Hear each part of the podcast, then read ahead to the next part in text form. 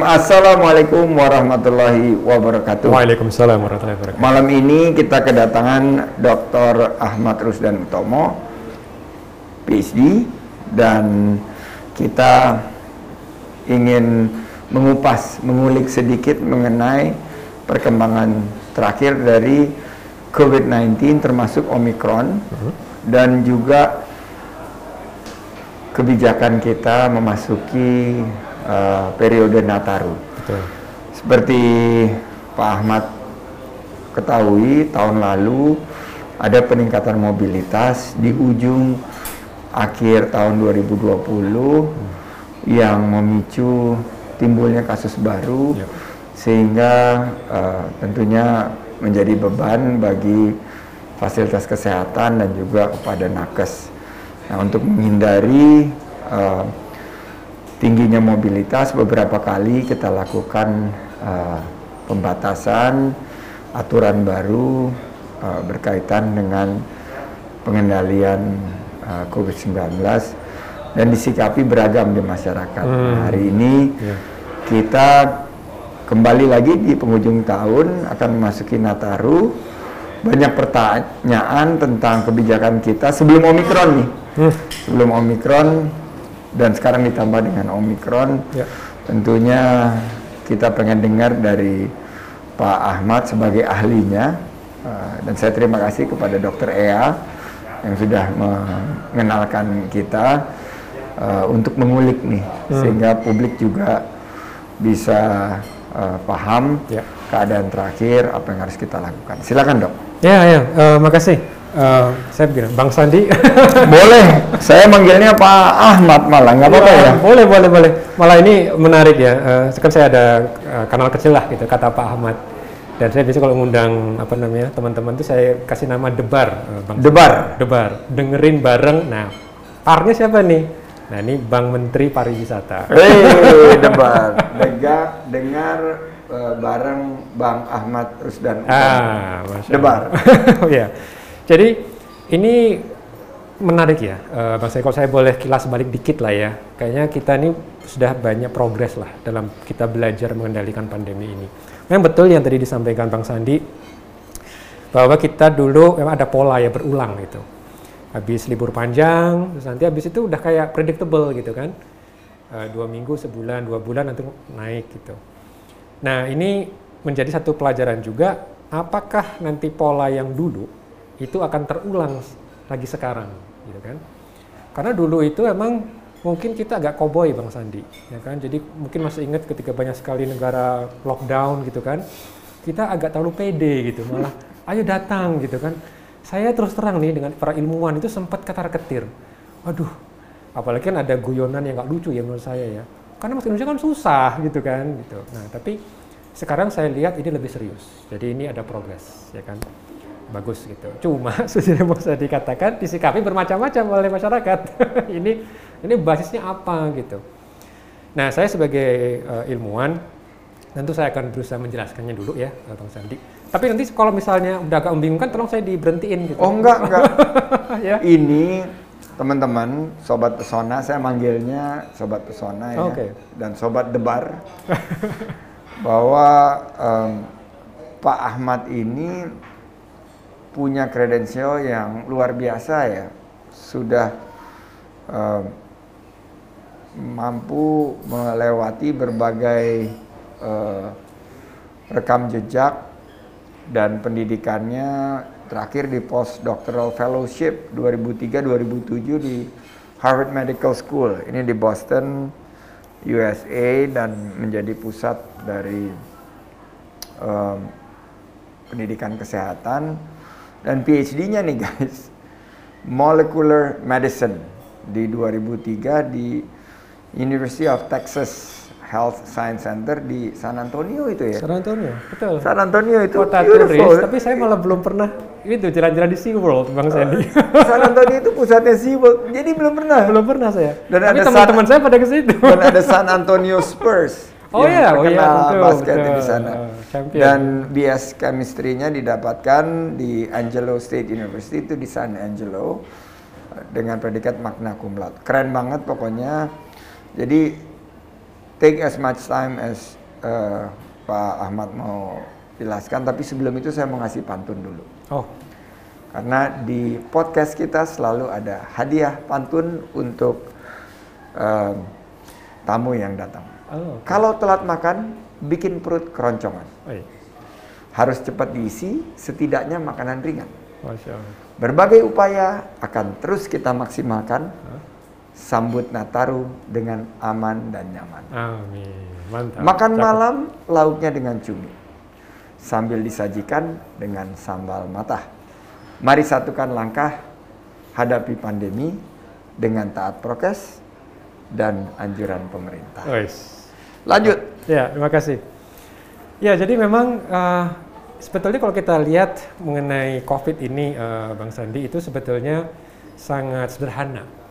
Itu virus nggak kelihatan, ya, baru nggak kelihatan, tapi dampaknya bisa kita rasakan, ya kan? Dan kalau kita lihat, ini menjadi satu ujian juga buat manusia sebetulnya. Manusia itu kan lucu, Bang Sandi. Ketika kita sesuatu, tak tahu barang ini tahu nih, gitu, dampaknya apa. Tapi yang namanya manusia itu belum tentu selalu mengikuti pengetahuan itu. Ini ini unik, unik banget. Kalau ciptaan Allah yang lain itu kan, oh ini dia udah terikat ya dengan dengan takdirnya gitu. Tapi manusia itu punya keunikan, dia bisa milih. Nah, yang pertama nih yang eh, saya eh, apa, apa perhatikan dari masyarakat. Pertama mereka melihat ini yang mati banyakan mana antara sakit biasa sama sakit COVID. Nah, kalau hitungan banyak-banyakan yang mati, kemungkinan yang mati karena penyakit lain yang lebih banyak, Bang Sandi. Tapi masalahnya, ini bukan masalah banyak-banyakan mati.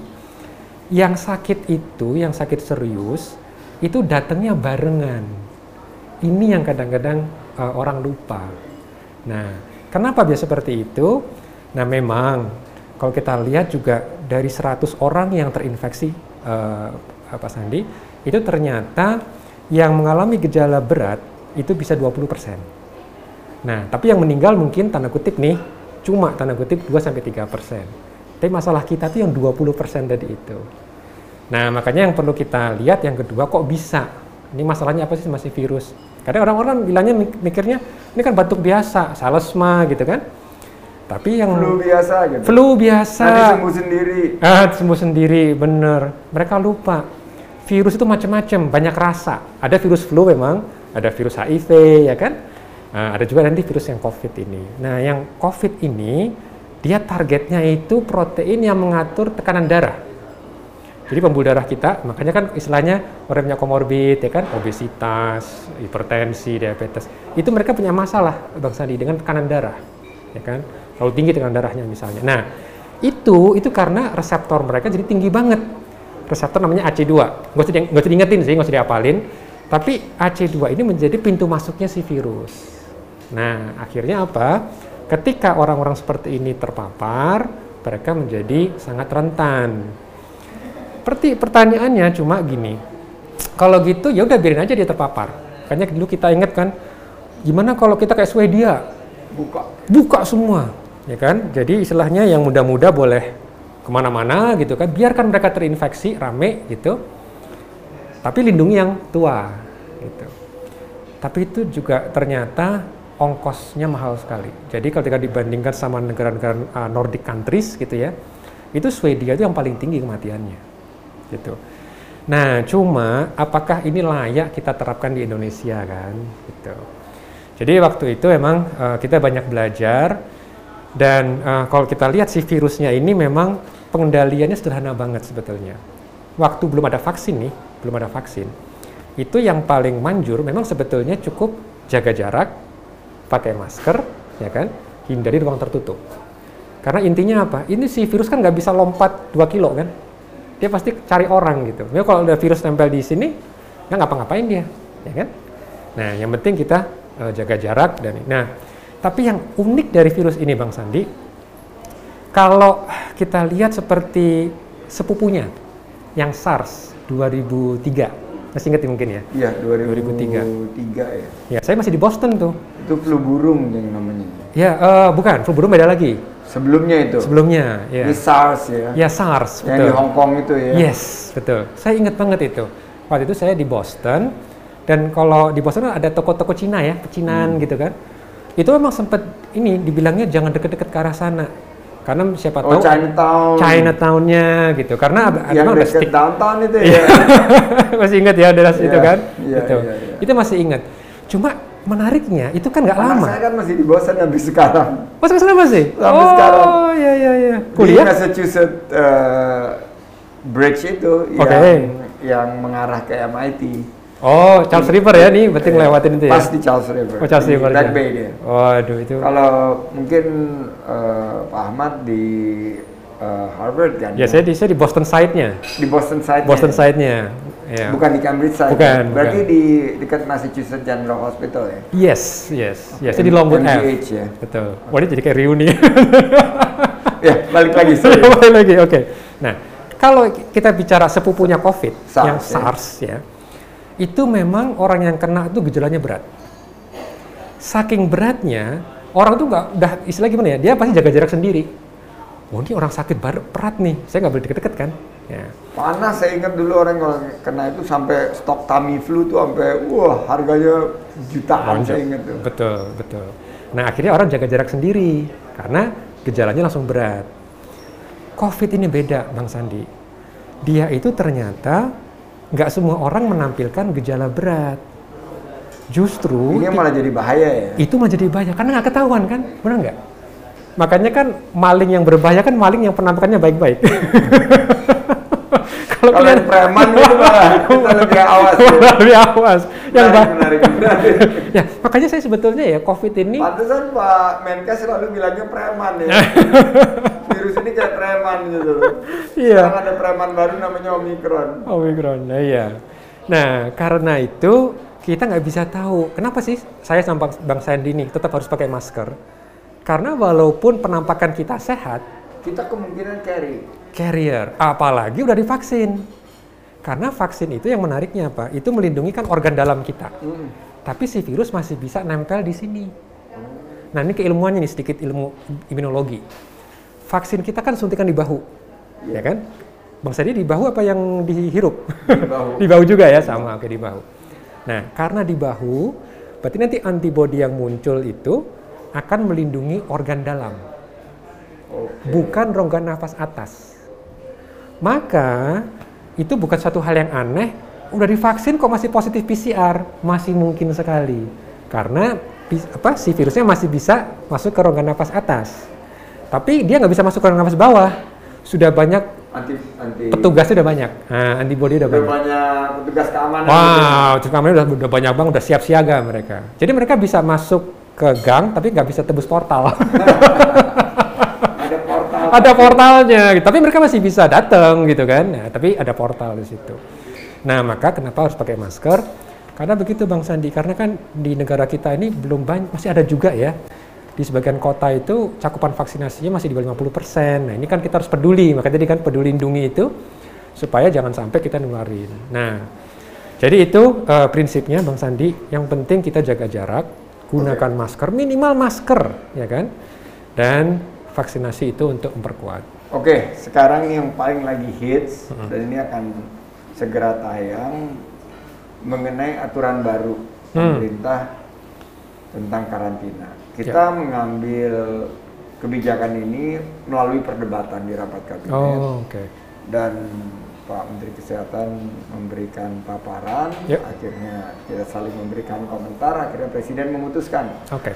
bahwa karantina balik 10 hari dan Oke. kalau ada tiga tahap nih. Hmm. Pertama kalau kasusnya di bawah eh, 500 seperti saat ini Hmm. Oke. kita tetap menjalankan. Tapi kalau naik di atas 500 Hmm. kita mulai memperketat Oke. dan kalau di atas 2000 kita masuk ke fase darurat. Oke. Nah, oleh karena itu kan orang-orang yang mau pergi ke luar negeri itu pada komplain kok jadi 10 hari dan lain sebagainya. Hmm. Nah, saya ingin menjelaskan bahwa melalui bahasanya Pak Ahmad ini eh, tentang karantina tersebut kebijakannya dan karena Omikron ini sangat baru dan sedikit sekali yang kita ketahui kehati-hatian kita dan kewaspadaan kita sebetulnya uh, menjadi salah satu benteng kita untuk menghadapi Omikron ini. Jadi ya. bagaimana pandangan Pak Ahmad nih hmm. uh, melihat uh, pemerintah langsung sangat serius hmm. tidak berani ngambil resiko hmm. untuk telat menangani Omikron nggak mau terjadi apa yang dilihat di Inggris sekarang ya. dengan kasus di, di atas 40 ribu per hari kita tidak mau mengulangi kejadian Delta hmm. Juli Agustus apakah perlu atau terlalu berlebihan menurut Pak Ahmad? Ah, oke, okay. menarik. Jadi memang saya perlu paparkan dulu Omikron dulu ini ya. Jadi uh, kita kan ada istilah we are not safe until everyone is safe. Hmm. Ini ini penting banget gitu. Uh, sekarang ini dunia juga lagi mengalami apa yang disebut dengan health inequity dari sisi vaksin. Yeah. Negara UK itu bisa memvaksin seluruh warganya enam kali. Sementara di Afrika kita bisa tahu berapa banyak. Ini, ini masalah global ya. Ini, ini perlu kita cermati juga ketidaksetaraan iya, dari akses terhadap vaksin. Ada vaksin. Ya. Ketidakadilan hmm. dari penyediaan uh, vaksin bagi Betul. masyarakat dunia. Ya. ya. Ya memang sekarang sudah mulai ada kesadaran ya. Pokoknya kemarin kan Joe Biden bilang, coba kita lepaskan nih patennya nih supaya negara berkembang bisa juga bisa bikin sendiri gitu. Tapi ya kita tahu paten itu kan rumit sekali ya. Jadi walaupun presidennya membolehkan belum tentu orangnya itu statement politik. statement politik. Nah, tapi itu kita jadi sadar. Nah, kalau kita lihat memang varian-varian itu muncul, Bang Sandi, itu di daerah-daerah yang memang tanda kutip nih prokesnya mungkin kurang bagus atau uh, tadi pengendaliannya kurang dan cakupan vaksinasinya rendah. Kenapa? Karena begitu si virus bisa muncul, bisa menginfeksi orang yang nggak siap imunnya, dia bisa pesta di sana. Wow. Nah, pestanya arti, artinya apa? Dia bisa melakukan kesalahan. Karena virus kan bisa bereplikasi kan? Setiap replikasi dia melakukan kesalahan. Nah, masalahnya orang yang imunnya nggak siap, seperti autoimun misalnya gitu ya, itu nggak hilang-hilang kan virusnya kan? Nah, di situlah dia akan muncul varian-varian di orang itu. Ketika orang itu dia ketemu jadi pabrik varian pabrik, baru. betul. Makanya kenapa kita prokes? Jangan sampai virus ini punya kesempatan ketemu sama itu gitu. Apakah Omikron itu lebih berbahaya? Nah ini, ini menarik juga. Kalau studi biologi molekuler yang terbaru, tidak ada indikasi bahwa dia lebih rendah atau lebih ringan. Buktinya apa? Karena dia masih mampu menginfeksi sel manusia. Itu satu sisi, ya kan? Lalu yang kedua, tapi kenapa laporannya itu kebanyakan mild, betul kan? Betul. Ini kan mild, cuma gejala saresma biasa gitu kan, benar nggak? Dan apalagi angkanya udah banyak, tapi kok jarang yang mati gitu kan? Iya di UK dan di Denmark dan mm -hmm. di Afrika Selatan. Nah, lalu gimana nih rekonsiliasinya kan? Di satu sisi secara laboratorium ini nih virus nggak nggak nggak makin ringan, malah bisa kalau di studi menggunakan sel paru ya sel paru manusia itu dibandingkan delta kemampuan dia bereplikasi itu 70 kali lipat lebih tinggi. 7 kali lipat. 70, nggak cuma 7, 70, 70 kali lipat Omikron Betul, ini. Omikron ini. Jadi nggak itu buk, makanya kita tidak bisa mengatakan dia lebih ringan gitu. Ya, Karena kita ya. tahu secara biologi molekuler ini kan virusnya masih virus yang sama yang masih mentargetkan dari AC2 yang mengatur pembuluh darah kan gitu. Ya. Tapi kenapa kok kebanyakan ringan? Ini gimana nggak nyambung kan? Nah, kita harus lihat kita sekarang hidup di era pasca vaksinasi. Seandainya Omikron itu lahir di 2020 awal, ini different ball game different playing field. Kenapa? Karena vaksinasi belum ada. Itu mungkin jauh lebih banyak korbannya. Nah, tapi kalau kita lihat polanya, kenapa kok orang kebanyakan ringan? Karena kan di bagian berbagai negara, yang travelers kan ada kewajiban vaksin kan, benar nggak? Kan yeah. yang positif-positif kan travelers kan? Yeah. Jadi mereka pasti udah vaksin kan? Iya. Yeah. Jadi kalaupun dia gejalanya ringan, expected. Karena dia sudah divaksin. Sudah divaksin.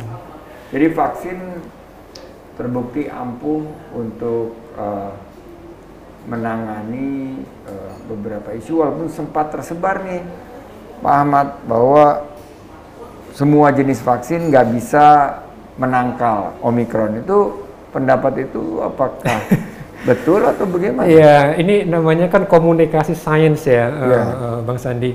saya juga Ini menyadari bahasa ya. dewanya sains gitu. Ah, betul. Jadi emang Sampai orang kan bilang buat apa gue divaksin kalau omikron nggak bisa nggak bisa ditangkal sama vaksin ini. Betul. Memang gini, eh, sebenarnya dari awal kita sudah tahu vaksin itu, terutama yang suntikan bahu ya, tapi sekarang dikembangkan yang di spray, yang di apa inhalasi. Nah, gitu. Lewati hidung ya. Hidung, lewat hidung. Kalau di hidung itu berarti akan membe- membentuk benteng itu pas di portalnya langsung gitu. Jadi virus masuk aja nggak bisa. Tapi kalau yang ada di suntik bahu, virus masih bisa masuk, tapi nggak bisa tembus ke rumah Karena kita. ada portal di sini. Ada portal, yes, betul di situ. Nah, tapi karena masih bisa ke sini, ya wajar kalau ada batuk-batuk ringan, ya kan? Tapi karena nggak sampai ke sini, nggak sampai sesak nafas, Iya. itu itu beda di situ, ya kan? Nah, jadi memang kalau diukur eh, dari si paparan, betul efikasi vaksin, apalagi setelah delta ini juga menarik. Sebelum delta, orang Amerika itu mengatakan begini, kami kan pakai vaksin mRNA nih, sintetik. Ternyata transmisi bisa turun. Oh, orang udah happy. Oh gitu ya, makanya di Amerika itu kan banyak akhirnya lepas masker kan. Iya. Masih ingat ya? Awal-awal waktu Ya, summer. ah. Betul kan, pada lepas masker kan. Karena mereka pede banget dengan vaksin mRNA mereka gitu kan. Itu Pfizer, Moderna ya. Betul. Tapi begitu Delta datang, Anthony Fauci bilang, ups, Pakai lagi masih. pakai lagi masker. Kenapa? Karena ini menarik ya. Orang Amerika itu kan memang sangat individualistiknya kuat, ya kan. Orang kalau pakai masker itu kan menutupi keunikan mereka, benar kan? Iya. Jadi mereka sangat berharap vaksin itu kayak kayak gift from God itu istilahnya. Bisa buka masker lagi gitu. Tapi begitu Delta datang itu teaching lagi, teaching manusia lagi. Eh sebentar belum belum selesai ini.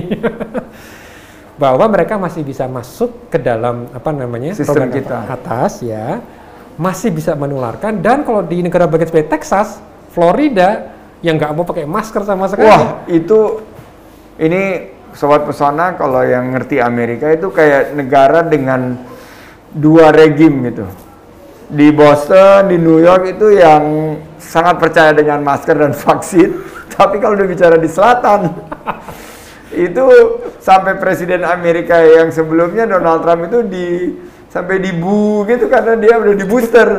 Saya ingat banget tuh. Jadi memang begitulah karakteristik orang Amerika ya. Iya, very American. Saya kan 17 tahun di sana, jadi saya betul-betul apa namanya bisa bisa ngerti Oke. lah gitu. Jadi sekarang saya bisa nangkep. eh, nah, kita mesti ngapain nih di Nataru? Udah Hmm. tepat ya kebijakan kita tadi Tepat. Pak eh, Ahmad sudah sampaikan. Tapi untuk menyikapi ini, misalnya di eh, kegiatan pariwisata itu kita lakukan dengan protokol kesehatan, dengan tadi ada aplikasi Peduli Lindungi yang membantu kita untuk melakukan testing, tracing, dan juga memastikan vaksinasi kita meningkat nih. Apalagi yang pemerintah mesti lakukan nih di periode Nataru untuk memitigasi ancaman gelombang ketiga dan juga Omikron ini. Iya. Kayaknya kita punya dua sisi ya, jangka pendek dan jangka panjang gitu. Untuk jangka pendek tentu kita berusaha edukasi masyarakat, ya kan, bahwa sungguhnya kita tuh tidak pernah melarang orang untuk beraktivitas. Tetap boleh beraktivitas dengan tadi kan iman, ilmu dan eh, imun, ya kan? Iman, ilmu, dan imun. Imun. Keren banget tuh. Tiga I. Iya, Iman pertama, betul. ilmu, dan Imun. imun. Ya. Karena iman karena kita kan negara yang percaya ketuhanan yang Maha Esa kan. Iya. Itu satu. Yang kedua dengan ilmu. Kalau cuma hanya percaya tapi nggak berilmu kan juga bisa tersesat, ya kan? Iya. Nah, tapi kita bantu dengan imun juga, ya dengan vaksinasi misalnya. Jadi kalau mau beraktivitas, silakan beraktivitas. Seperti kita nih berdua nih, kita ngobrol, tetap gunakan masker, ya kan?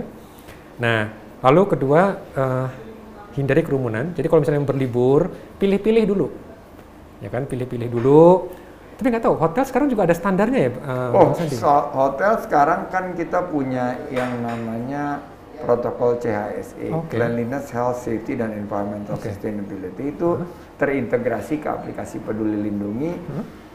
Ini super ketat sekarang. Oke. Hotel, eh, restoran lagi kita coba. Ini di tempat yang Pok Nur ini juga kita lagi revamp terus protokol kesehatan. Dan ini perlu training kan, training lagi, training lagi. Jadi em, ya inilah destinasi wisata sentra-sentra ekonomi kreatif harus mulai.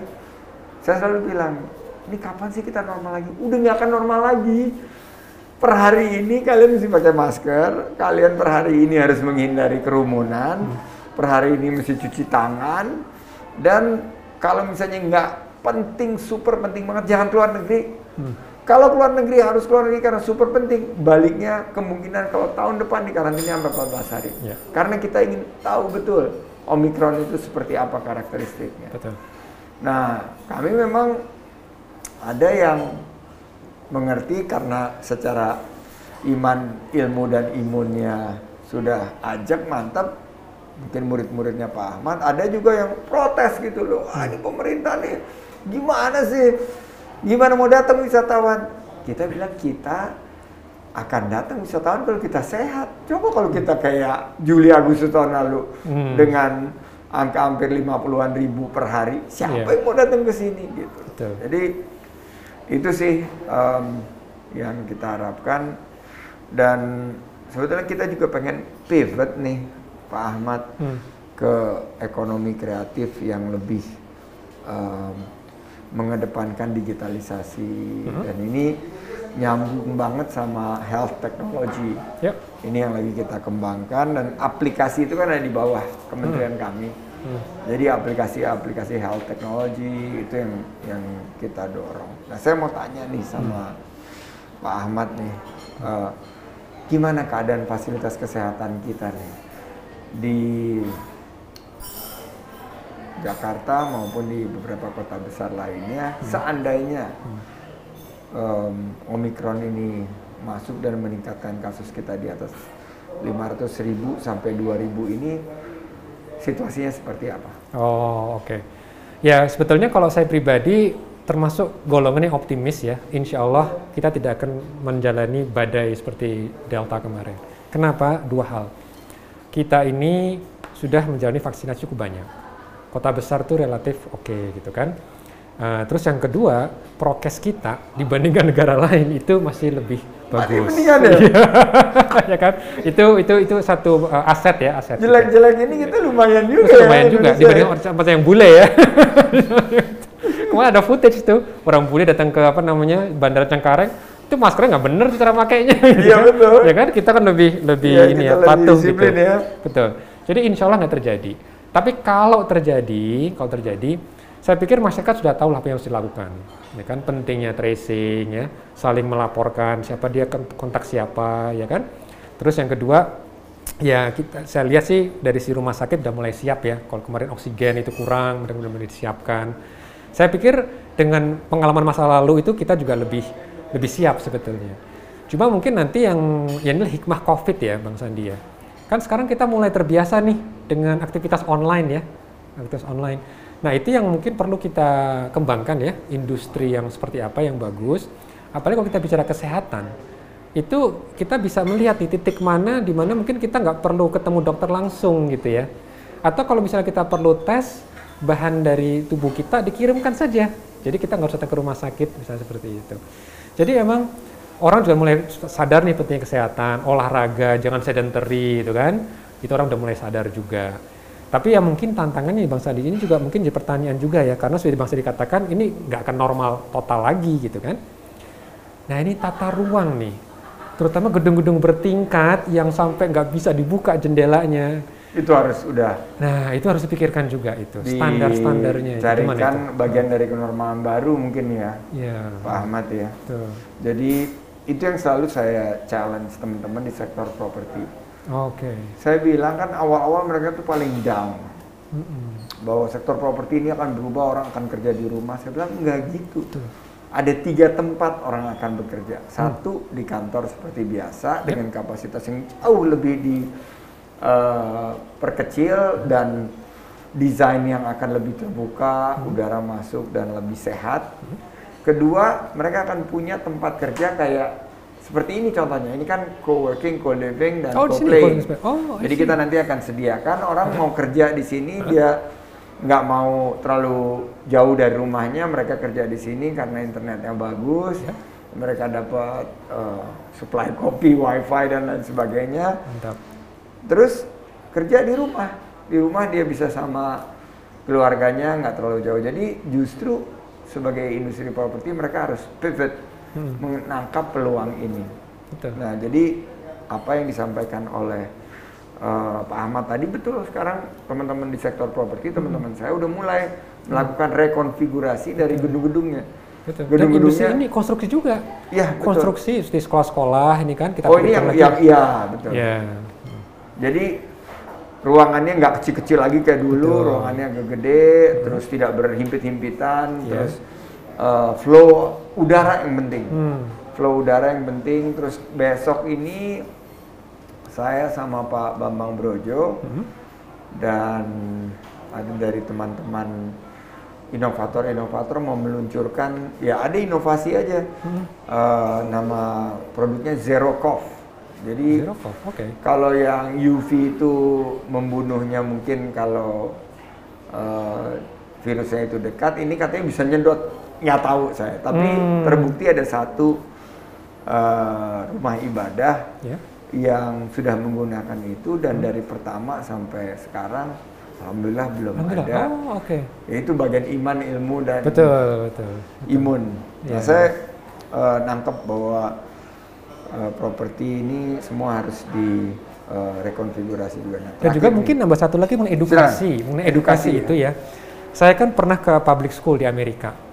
Aturan public school di Amerika itu, kalau saya tinggal di sini, saya nggak boleh pergi jauh. Zonasi, Sekolah rayon zonasi. sistem. Nah, COVID ini kalau menurut saya ngajar kita mau zonasi juga loh Bang Sandi. Kenapa? Bayangkan, kalau murid datangnya dekat, berarti kan nanti kalau misalnya harus di mini lockdown, kan gampang. Iya. Tapi kalau nggak pakai zonasi, kan kita nggak tahu dia murid dari mana datangnya. Tapi akhirnya kalau kita pikirkan zonasi itu banyak keuntungannya memang. Murid ke sekolah jalan kaki, bayangkan. Jadi nggak diantar jauh-jauh, artinya kan gerak kan. Sehat. Murid ya sehat. Murid juga kenal lingkungan sekitar, kenal RT-nya siapa, RW-nya siapa, tetangganya siapa, lebih dekat. Komunil, komunalnya itu lebih lebih kuat. Dan itu aset yang sangat luar biasa sebetulnya. Belum lagi masalah pemerataan pendidikan ya Bang Sandi ya. Jadi emang ini kita perlu banyak berpikir nih pasca COVID ini, ini banyak yang bisa kita benahi. Secara ini ya, apa optimis ya. Jadi, wah nanti masa kita pakai masker selamanya, ya oke lah itu mungkin some nuisance sementara gitu. Tapi coba kita pikirkan hal-hal yang justru bisa buat kita lompatannya makin jauh. Apalagi kalau misalnya kita harus banyak belajar di luar, ya kan? Kayak Bang Nadim kan mulai yang kampus Merdeka itu kan. Kampus jadi Merdeka, Merdeka Belajar. nggak harus di kampus ruang tertutup gitu kan? Kita bisa mulai lebih aktif ke mana gitu kan, ketemu sama masyarakat. Gitu. Jadi sebetulnya emang kalau saya lihat banyak peluang ya. yang bisa Menarik nih, karena saya baru pulang dari pondok pesantren eh, An Nawawi Tanara, Banten. Oh, Oke, Nah, Gus Sauki, ya. dia menyampaikan, saya tanya, Gus, selama COVID ini berapa santri yang kena? Zero. Oh, Saya bilang bagaimana bisa? Ya saya tegas saja. Hmm. Selama waktu itu apalagi lockdown, mereka nggak boleh keluar dari eh, area pesantren. Hmm. Orang tua yang datang tidak boleh bertemu. Hmm. Hanya eh, apa namanya di awal-awal mereka hanya boleh menaruh baju atau antaran gitu. Dan awalnya memang banyak yang protes katanya. Kalau dia bilang kalau ada yang protes silahkan bawa pulang anak karena saya menjalankan yang di eh, syariatkan waktu itu dari hadis ya Oh, katanya. mereka bilang gini, kok takut sama COVID bukan takut sama Allah? Nah, itu, mereka bilang gitu. Jadi dia, nah dia cerita itu juga mendidik dia bagaimana mengubah kelas-kelasnya. Yes. Banyak pelajaran-pelajaran di luar dan lain sebagainya. Nah, terakhir nih saya mau eh, minta pendapat Pak Ahmad nih. Kita kan lagi kembangkan health tourism yes. yang ada beberapa pilar, tapi dua pilar yang kita mau fokuskan dulu yaitu medical tourism dan wellness serta herbal tourism. Pandangan Pak Ahmad sendiri bagaimana? Karena saya tuh terenyuh banget dan frustrasi. Ada 100 triliun lebih ekuivalen sekitar 11 miliar dolar dari orang-orang Indonesia yang mendapatkan layanan kesehatan atau diagnosa kesehatan itu di luar negeri. Hmm. Padahal kan sehat di rumah sendiri atau berwisata medis di Indonesia aja juga dimungkinkan. Sementara kita punya postdoctorate loh kayak Pak Ahmad ini yang udah mungkin ahlinya ahli di Indonesia. Nah, Kemenparekraf lagi mengembangkan ini di tiga wilayah Jakarta, Medan, dan Bali dan kita akan perluas. Um, pandangan Pak Ya. Ahmad sendiri bagaimana? Ya, ini menarik eh, Bang Sandi. Jadi karena saya lama penelitian kanker ya, terutama genetik kanker gitu. Dan yang kita ketahui kalau kita bicara kanker itu di dunia obatnya ya itu-itu aja sebetulnya. Tapi kan pertanyaannya kenapa orang Indonesia itu banyak lari ke negeri jiran gitu kan? Obatnya ya sama kok sebetulnya. Malah yang terjadi adalah ketika mereka sudah mentok di sana, dokter kita tuh dapatnya udah paling berat ininya penanganannya, kasusnya. Nah, jadi sebetulnya kalau kita lihat ini kan kita sering hidup di era mana Layanan ya. Layanan. Bayangkan eh, Bang Sandi, mungkin rumah sakitnya isinya dokter sangat jago, tetapi cari parkirnya susah. Terus ketika mau kamar mandi, kok kayak gini ya gitu. Toiletnya kotor. Bener nggak sih? Artinya orang kaya itu banyak di Indonesia. Tapi kalau mereka kan pasti ada standar kan. Iya. Ya, walaupun tentu yang namanya kesehatan itu semua orang. Jangan sampai kalau orangnya nggak kaya nggak bagus jangan. Ya. Tapi intinya adalah pelayanan. Karena kalau teknologi pengobatan itu ya sama sebetulnya. Ilmunya sama. Ilmunya gitu. sama. Jadi kuncinya pelayanan ya. Pelayanan. Dan fasilitasnya yaitu toilet, Betul. ruang tunggunya, tempat parkirnya, Iya. kenyamanan, dan kenyamanan, rasa aksesnya ya. Misalnya mereka harus lihat sightseeing, misalnya gitu kan, difasilitasi dengan bagus gitu kan. Jadi mereka itu mau kok di Indonesia itu dan kalau kita spending apa money kita, uang kita di Indonesia itu kan menggerakkan ekonomi dalam negeri juga. kan? betul. Bener nggak? Betul. Jadi itu yang disebut economic leakage kalau mereka keluar negeri karena multiplier efeknya kan besar. Kalau kita berobat di luar negeri ya selain daripada kita tinggal di hotel sana, belanja makan, tapi juga harus belanja oleh-oleh, bayar dokter, bayar segala macam. Jadi ini yang makanya menurut eh, kami sangat strategis untuk kita kembangkan dan mohon doanya Ya. Pak Ahmad kita Siap. bisa eh, sehat di, di rumah sendiri dan eh, teman-teman sobat pesona ini endorsement dari Pak Ahmad eh, kebijakan kita yang memang sangat sulit ya kita ambil dan COVID ini harus diseriusin benar-benar karena saya udah kehilangan banyak sekali teman-teman kena Oh, COVID Indonesia. sahabat-sahabat saya Ya. uh, teman-teman dekat. Ini uh, tentunya harus kita sikapi dengan bergandengan tangan dan untuk kebangkitan ekonomi kita.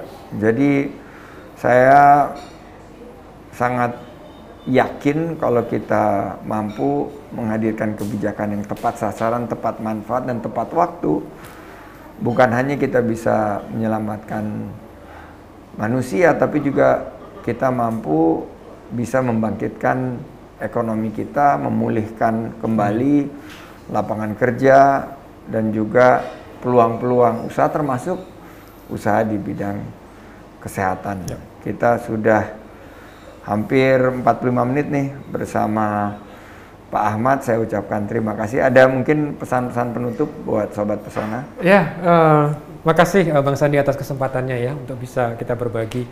Ya, insya Allah seperti yang tadi eh, Bang Sandi sampaikan, ini akan berakhir dalam artian yang paling sulit akan kita lalui. Cuma memang betul Nataru ini ujian terberat karena kan kita maunya berlibur. Tetapi dengan iman ya bahwa kita yakin bahwa kita akan optimis ya eh, dan juga dengan eh, ilmu bahwa kita tahu caranya dan tentu imun dari si vaksinasi kalau misalnya belum namanya vaksinasi teruslah dilakukan dan insya Allah kita bisa melewati ini semua. Tentu tidak boleh takabur ya walaupun sudah merasa vaksin juga jangan terlalu overboard gitu ya. Tetap bersyukur dan memang kita harus melalui ini semua bersama-sama jangan sampai ada yang ketinggalan jadi dengan semangat peduli dan saling melindungi itu menjadi satu hal yang penting ya eh, tagline kita karena kita ini kan satu bangsa. Jadi ya kita harus saling peduli dengan masing-masing. Insya Allah sih kita bisa, kita bisa. Keren banget Pak Ahmad. Dan untuk itu saya berikan pantun untuk Pak Ahmad sebagai Terima hadiah. kasih. Air dan Api adalah salah satu lagu band Naif. Meski banyak versi covernya, lagunya tetap seru. Mari pastikan momen Nataru tetap kondusif agar tidak memicu tum- tumbuhnya kasus COVID baru. Amin. Terima kasih Pak Ahmad kasih. dan sukses untuk karirnya dan juga untuk podcastnya ya. Oh iya. Debar. Debar Jadi kata namanya Pak- Debar ya. Debar. Jadi kata Pak Ahmad, ini ada subnya namanya Kata Debar. Pak Ahmad itu podcastnya. Heeh. Jadi jangan lupa subscribe kata Pak Ahmad dan ada uh, sub roomnya ya, Iya. namanya Debar yaitu dengerin bareng dengerin bareng, Bang Menteri Pariwisata. dengerin bareng saya. Jadi uh, tinggal di subscribe, jangan lupa juga untuk sobat pesona follow terus uh, kanal media sosial kita kemenparekraf.ri, sobat pesona juga bisa melihat pesona ID underscore travel, kebijakan-kebijakan kita dan tentunya destinasi-destinasi wisata, sentra ekonomi kreatif yang harus kita dukung, berwisatanya di Indonesia aja dan juga bangga buatan Indonesia. Pak Ahmad, Barakallahu fiik. Syukran jazakumullah khairan. Jazakallahu Wabillahi taufik wal hidayah. Assalamualaikum warahmatullahi wabarakatuh. Waalaikumsalam warahmatullahi wabarakatuh.